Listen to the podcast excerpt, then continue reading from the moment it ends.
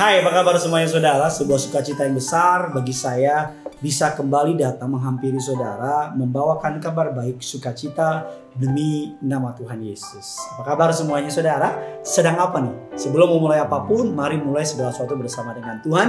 Karena apa yang kita mulai bersama dengan Tuhan akan kita akhiri dengan kemenangan. Bersama-sama tundukkan kepalamu, kita bersatu dalam doa.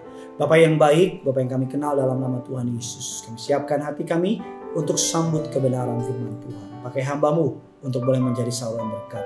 Biar bibir perkataannya diurapi dari surga, kata kalimat yang keluar, nama Yesus saja dipermuliakan. Di dalam nama Tuhan Yesus. Amin. Kita sama-sama membahas sebuah tema, langkah memulai perubahan. Sebuah kutipan yang menarik mengatakan new mindset, new result. Atau pola pikir yang baru akan memulai hasil yang baru. Perubahan itu melakukan sesuatu yang baru, yang berbeda dari biasanya. Belum tentu mudah, bahkan mungkin sering kali sulit, bahkan butuh motivasi yang kuat di awal, tengah, sampai dengan yang akhir. Namun apakah motivasi cukup? Pastinya enggak. Kita perlu membuat rencana dan strategi. Hal-hal apa yang perlu kita siapkan dan hal-hal apa yang perlu kita lakukan secara teknis ada beberapa kebenaran firman Tuhan bagaimana memulai perubahan berdasarkan kacamatanya Tuhan. Yang pertama, awali dengan perubahan pola pikir. Kita harus mengetahui bahwa perbuatan kita adalah muara akhir dari pikiran kita. Sebelum ingin mengubah perbuatan, tingkah laku, action, karakter kita, yang pertama perlu diubah adalah pola pikir kita. Tahukah Anda bahwa perubahan perilaku tanpa berubahnya pola pikir akan menghambat usaha saudara? Sebuah data menunjukkan bahwa 80% orang yang membuat sebuah resolusi, sebuah rencana berakhir dengan kegagalan. Mengapa? Karena mereka hanya membuat sebuah action tanpa mengubah dari pusat komando. Jadi dari mana kita harus berubah? Dari pikiran kita. Roma 12 ayat yang kedua mengatakan Janganlah kamu serupa, janganlah kamu menjadi serupa dengan dunia ini, tapi berubahlah oleh pembaruan budimu sehingga kamu dapat membedakan manakah kehendak Allah, apa yang baik, yang berkenan kepada Allah dan yang sempurna. Mari kita melihat ke dalam diri kita sendiri. Adakah pola pikir yang perlu diperbaiki? Adakah pola pikir yang salah? Adakah konsep kepercayaan yang salah? Adakah pola pikir dunia telah merasuk ke dalam pola pikir kita anak Tuhan dan mengakibatkan kita menjadi rendah diri, tidak percaya diri, bahkan cenderung takut menatap masa depan. Mari isi pikiran kita dengan pikiran Kristus, isi dengan firman Tuhan. Jikalau pola pikir Anda berubah, pasti perkataanmu berubah, perbuatanmu berubah, masa depanmu pasti berubah. Dan yang kedua, langkah teknis apa untuk dapat memulai sebuah perubahan? Yang kedua adalah fokus pada satu prioritas. Suatu hari saya membaca sebuah goals dari seorang anak muda, dari seorang tokoh yang ternama. Goalsnya terlalu banyak, terlalu luas, bahkan sampai-sampai jadinya ke mana-mana. Tuhan mau saudara dan saya memfokuskan kepada satu hal. Fokus pada satu prioritas dulu, baru mengikuti yang lain. Firman Allah mengatakan 2 Timotius 2 ayat yang keempat, seorang prajurit yang sedang berjuang tidak memusingkan dirinya dengan soal-soal penghidupan. Supaya dengan demikian ia berkenan kepada komandan. Paulus mengatakan berpesan kepada Timotius untuk berfokus kepada hal-hal yang penting. Seperti seorang tentara yang ingin menjalankan perintah atasannya. Mungkin saudara punya beberapa target. Anda rindu ingin ubah ini, ubah ini. Misalnya saudara ingin rubah perut saudara, ingin ubah bla bla bla bla. Fokus kepada satu hal. Saran saya yang paling terpenting pertama adalah fokus dulu sama Tuhan. Deketin dulu sama Tuhan.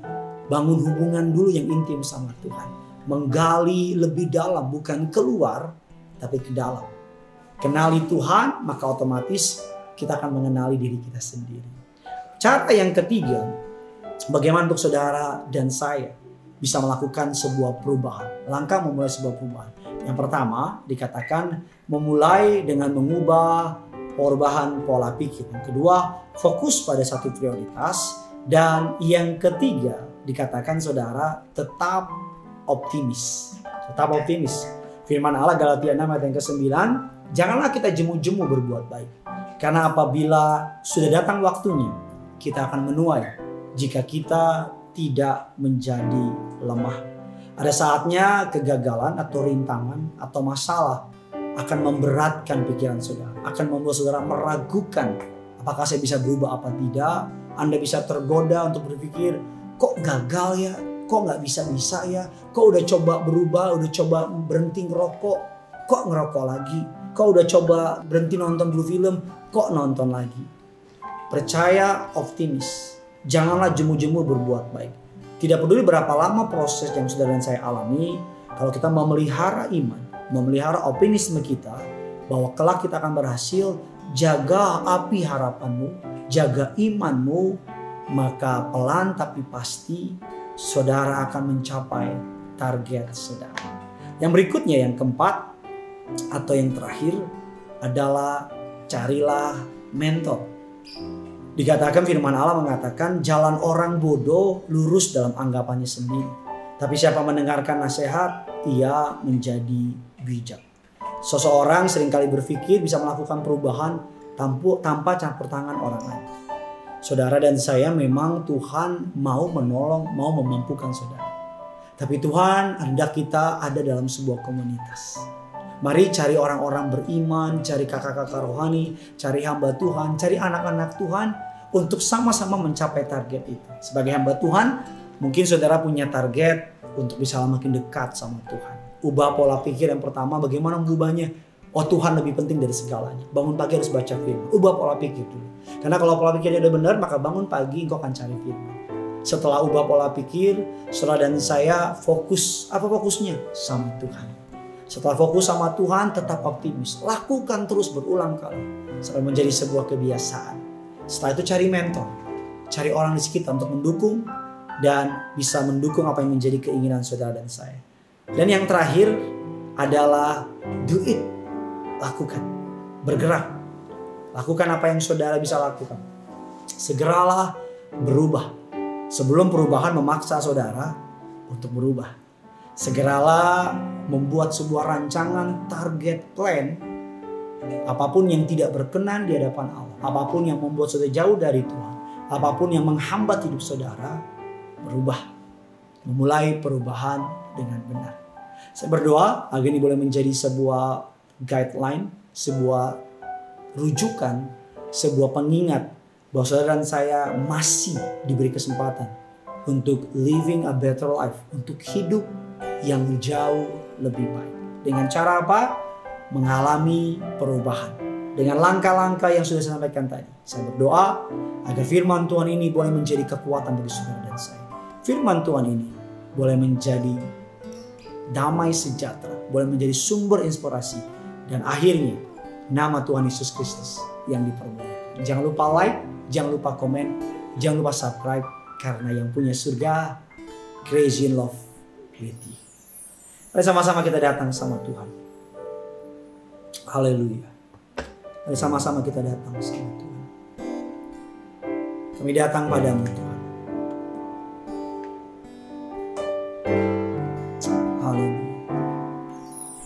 Bagaikan bejana siap dibentuk. Demikian hidupku di tanganmu. Dengan urapan kuasa rohmu ku dibaharui selalu Jadikan ku Allah dalam rumahmu. Inilah hidupku di tanganmu. Dengan urapan kuasa rohmu Ku dibaharui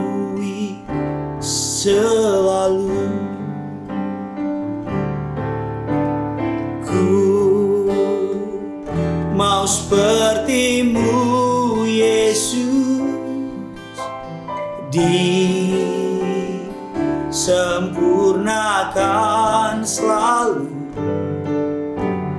dalam segenap jalanku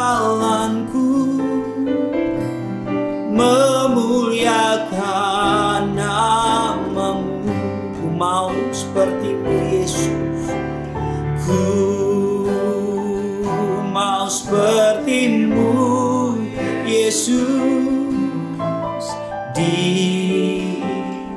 disempurnakan selalu dalam segenap jalanku memuliakan namamu. Ku mau sepertimu Yesus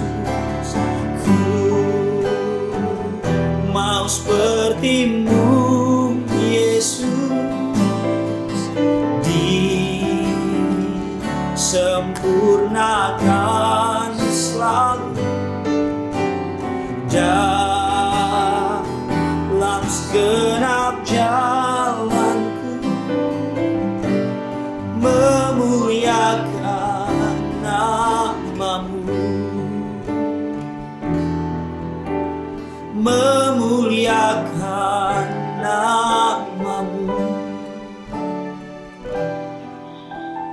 memuliakan namamu.